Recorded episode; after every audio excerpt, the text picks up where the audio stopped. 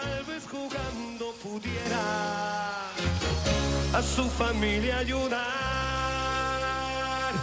¡Grande Diego! Torque Lab. EAE Business School patrocina aquest espai. Es un equipo que hace el doble desmarque, para mí es lo, lo que mejor tiene.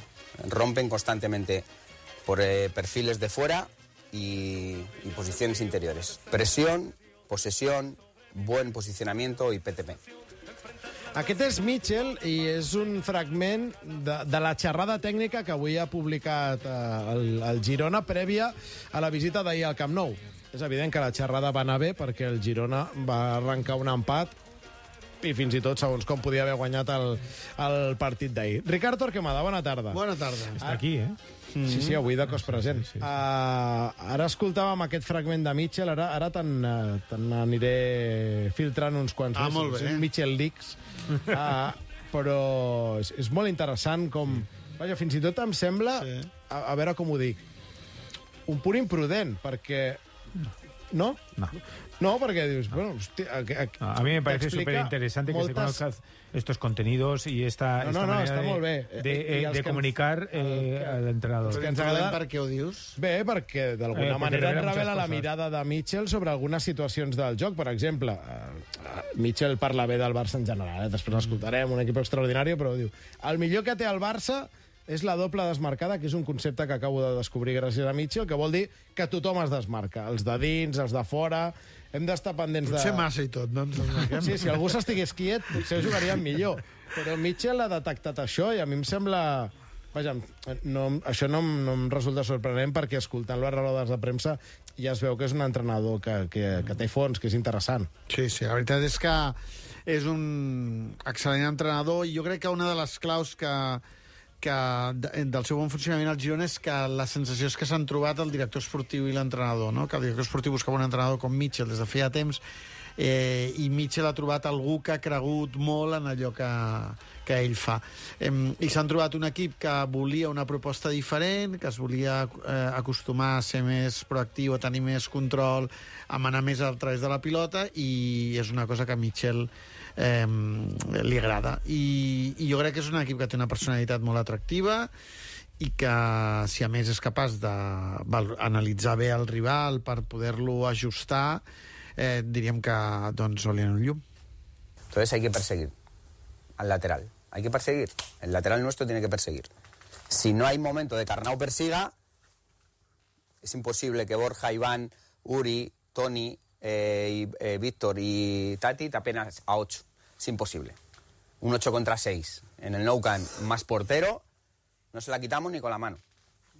Ni con la mano. ¿Vale? Entonces hay que dar el paso adelante. Hay que ser valientes. 8 contra 6. O sigui, això pe- pels que no en sabem de futbol és, és xinès. Què, què quicir, 8 contra 6?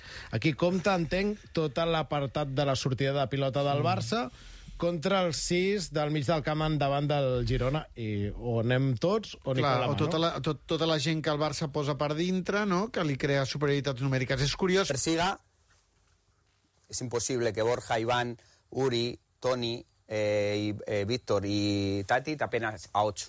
Es imposible. Un 8 contra 6. En el Nou Camp más portero, no se la quitamos ni con la mano.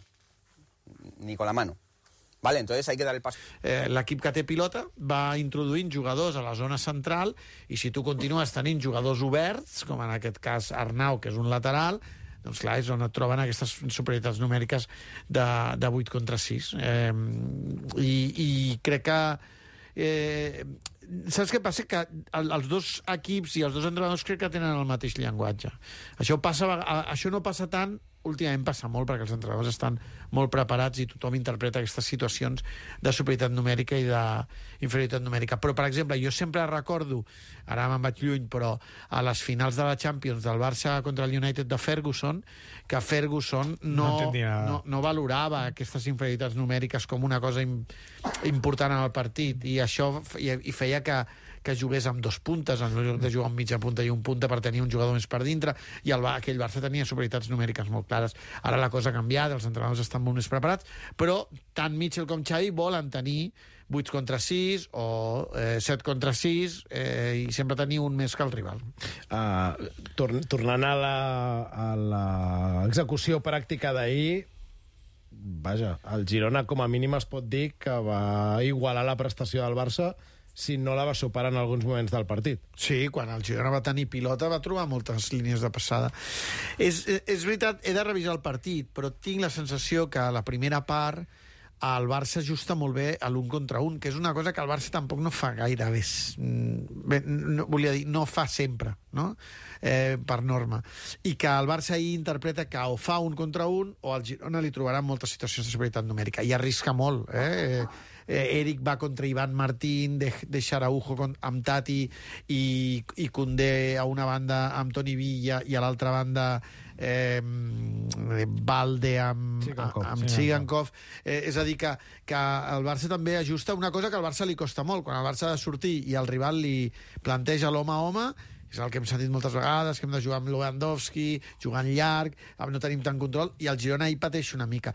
Però és veritat que des de la recuperació eh, del Girona de pilota a fer jugar Arnau dintre, al Barça li costava molt ajustar, perquè a vegades perseguia Ansu, però si una pilota el Barça la perdia amb Ansu obert o amb Ansu estirat, de cop i volta el Barça ja no tenia mecanismes per, per trobar situacions d'igualtat numèrica o d'una inferioritat menys manifesta. I si Castellanos eh, la fota dins, el Girona s'ha Ves que aquella, aquell atac, no l'he- insisteixo que no l'he pogut revisar encara, Jo però sí. aquell atac és llarguíssim. Sí, Molt, sí, sí, fa un minut i mig, o sí, una, van enrere, tornen endavant... Sí, sí. Sí, massiu. És- és un gol del Barça. Sí, sí, sí. És fascinant com Mitchell hauria escanyat el Tati Castellanos quan uh, va passar per al seu costat Però en és el moment és que després de la substitució. Té dues opcions. O fer-la ell, O donar-la donar-la. a la sí, dreta, sí. que és la més fàcil. Sí, a Sigankov.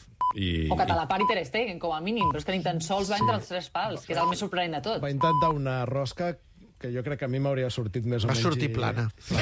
Correcte. Va, acomiado el Ricard, que se n'ha d'anar a... a... Woodroom. Woodroom al, al... Gràcies, Sònia. És que estàs a tants llocs. A, Wood, a Woodroom a fer Feu un... tuits de Champions avui. Torna City Bayern avui. City Bayern, eh? Amb el Què? City Bayern. Sònia, atractiu City Bayern. Home, molt, molt. L'altre no el miris, no? Ah, No. eh, L'altre, ja et no dic ara saps que no el... Sí, home, sí, Benfica Inter. Perquè ho ha fet a l'entrada. Gràcies, Ricard. Acomiado el Ricard i acomiado també els espectadors que ens han seguit al canal